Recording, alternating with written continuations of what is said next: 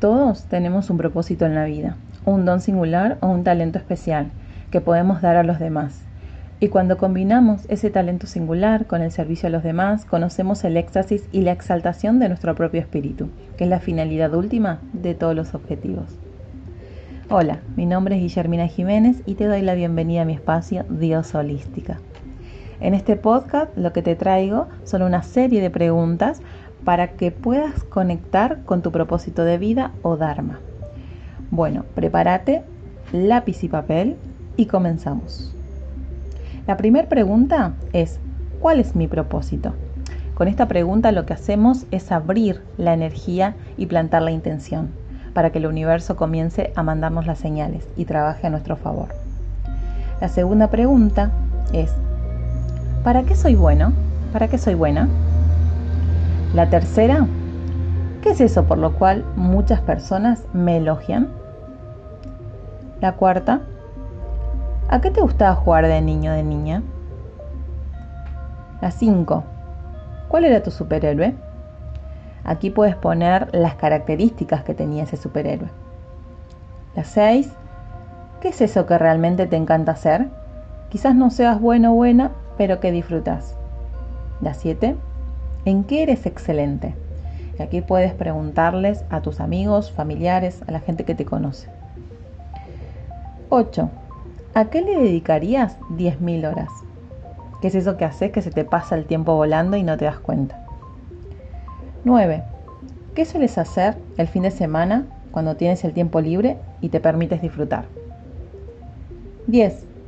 ¿Qué te divierte? ¿Qué te hace reír? 11. ¿A quién admiras? Y acá puedes hacer una lista con las personas y las cualidades de esas personas. ¿Qué es eso que admiras de esas personas? 12. ¿Quién te produce envidia sana? Con esta pregunta eh, invito a que nos podamos conectar con esa sensación cuando vemos a alguna persona que, por ejemplo, está viajando, está haciendo algo que a vos te gustaría hacer y, decís, ay, ojalá yo pudiera. Con esa sensación, ¿qué persona tiene ese trabajo o ese negocio o esa vida que, que te da ahí como una envidia? Para mí no hay, no existe envidia sana, ni bueno ni malo, ni sentimientos buenos ni malos. Simplemente son sentimientos y los podemos utilizar como foquitos, como guías. Así que bueno, en este caso vamos a usarlo como una guía. Número 13. ¿Quién te irrita?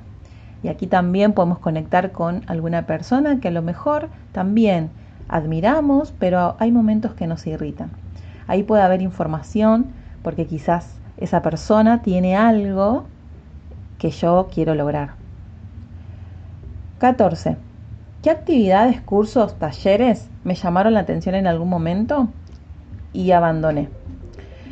En esta puedes hacer una lista con aquellas actividades ¿Qué dejaste porque no tenías dinero, porque no tenías tiempo, por tus hijos, por etcétera? Eh, o también porque, por ejemplo, empezaste una clase de baile y viste que los demás progresaban y vos no progresabas. Entonces, quizás por vergüenza, por no permitirte el tiempo em, que necesitabas o requerías, abandonaste. Y también vas a hacer una lista con aquellas actividades, cursos o talleres que te gustan y te atraen actualmente. La 15. ¿Qué harías si ahora mismo tienes en tu poder un millón de dólares? Y acá aclaro que además del millón de dólares tenemos todo resuelto, la vida está resuelta, hicimos los viajes que queríamos, estamos en el hogar que, deseamos, todo. Así que bueno, eh, visualizate en ese momento que está todo resuelto y que tenés en tu poder un millón de dólares. Bueno, con todas estas preguntas, lo que vas a hacer ahora, con las respuestas, vas a, vas a buscar cuál es el patrón que se repite. Ejemplo, puede ser que a mí me gusta hacer em, pastelería y de repente también las personas que me conocen siempre me recomiendan, ¿por qué no, no haces más de esas tortas? Y después, bueno, hice talleres que también tienen que ver con la pastelería o que tienen que ver con negocios. Entonces, bueno, ahí se empiezan a repetir las manos, pueden ser el patrón que se empieza a repetir. eh, quizás te gustaba hacer masajes también. Entonces ahí vas a tener una mini guía como para empezar a investigar.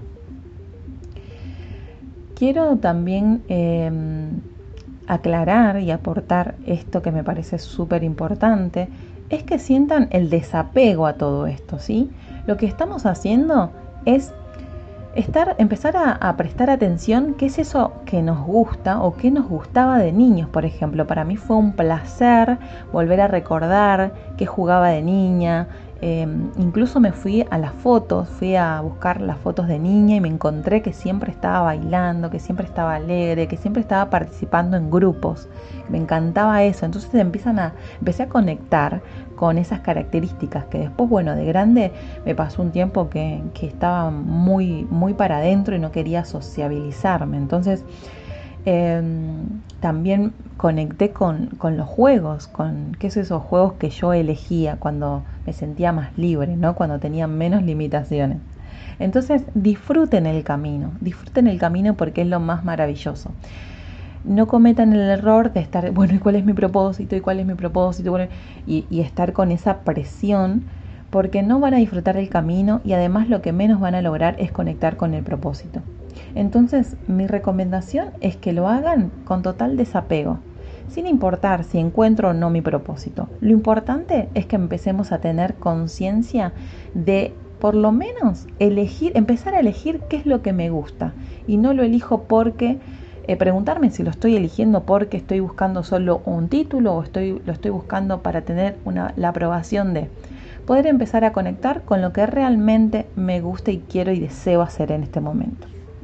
Así que bueno, em, ojalá puedas disfrutar de este camino maravilloso y te pido cuando tengas tus resultados me puedas escribir en Instagram o en Facebook y me cuentes cuál fue tu experiencia, si pudiste encontrar los patrones que se repiten y, incluso si empezaste algún taller o te animaste a dar el paso siguiente que es comenzar a hacer eh, esos talleres o esos cursos o bien por ahí empezar a hacer lo que realmente te gusta sin tener que hacer más talleres y tener que capacitarte más.